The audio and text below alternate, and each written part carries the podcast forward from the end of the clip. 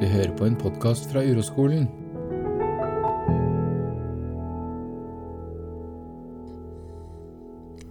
Hei, her sitter Kaspar i studio, og med meg har jeg Kristine Falk Pedersen. Hallo. Hallo, Kristine. Velkommen. Takk. Så hyggelig å se deg. I like måte. Jeg er sikker på at du har tenkt på noe veldig lurt som vi kan snakke om i dag. Eh, ja, Som vi kan ta for oss og sette et uroperspektiv på. Det kan vi. Det har noe som uroer meg. Um, jeg er spent. ja. Jeg har noen venner som gir meg veldig mye uro. Uh, en som drikker seg i hjel. Sånn kommer til å dø snart, tror jeg, liksom. Som er sånn helt Det går så gærent. Og en annen en som er veldig syk. Og det syns jeg er dødsvanskelig å forholde meg til, rett og slett. Og den sykdommen er ikke noe med alkohol å gjøre.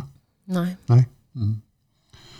Men det har med, tror jeg, da, med stress og uro Ja. som man blir syk av over tid. Mm. Men, men jeg syns det er veldig vanskelig jeg, Litt sånn som når vi snakka om bærekraft at, uh, og jord og sånn, at jeg blir veldig sånn løsningsorientert og har lyst til å hjelpe folk. Liksom. Jeg syns det er så vondt å sitte og se på at det går dårlig, da. Og vite at også Jeg kan liksom tenke meg at Altså, du kan se smerten deres. Jeg kan tenke meg at de føler seg alene om det. Har lyst til å liksom bidra, vet ikke hvordan. Eh, ender opp med å fort vekk trekke meg bare bort, sånn som jeg gjorde med i parforholdet mitt før. liksom. Tilbaketrekning. Forsvinne. Bli stille. Ja. Tverr. Ja. Kald. Ja.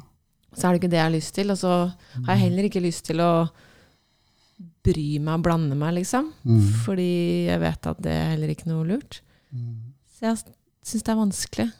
Mm. Jeg har veldig vondt av å se hva som skjer, Ja. og forstår ikke hvordan jeg positivt kan forholde meg til det. Verken for meg selv eller for dem.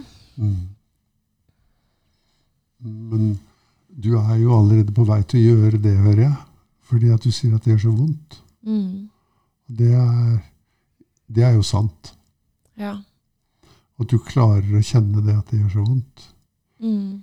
Ja, når du kjenner når du, Hvis du tar den, kanskje den ene eller kanskje begge to, jeg vet ikke det, mm, om det er nødvendig å skille de, jeg er litt usikker på det, men, men når du bare kjenner det du kommer i kontakt med, når, liksom stilt overfor dem, hvis du forestiller deg det, at du møter de, og kanskje det er sammenhenger hvor dere treffes, Mm. uh, og hvor du blir konfrontert med deres eh, strategier og deres smerte. Kan du huske hvordan det kjennes? Hva slags følelse det gir deg? Um, For du sier det gjør vondt, liksom. ja. Jeg, jeg, jeg kjenner det jo veldig godt også fordi at mm, jeg mista pappaen min på samme måte. Han drakk seg i hjel for 15 år siden. Eh, Så det er liksom ekstra vondt sikkert da, på grunn av det. Mm. Jeg kjenner veldig godt Jeg blir ekstremt redd. Ja. Det betyr liksom mye fare. Ja. Mm. Mm. Så det er sånn blanding av liksom frykt og kjærlighet. Ja. Ja. Som bare blir kaos, liksom. ja. Blanding, det var fint sagt. Mm. Er det noe, har det noe senter i kroppen din? Denne blandingen av frykt og kjærlighet? Ja, det sitter sånn litt under solar plexus. Midt i magen ish. Ja. Brenner, liksom. Ja.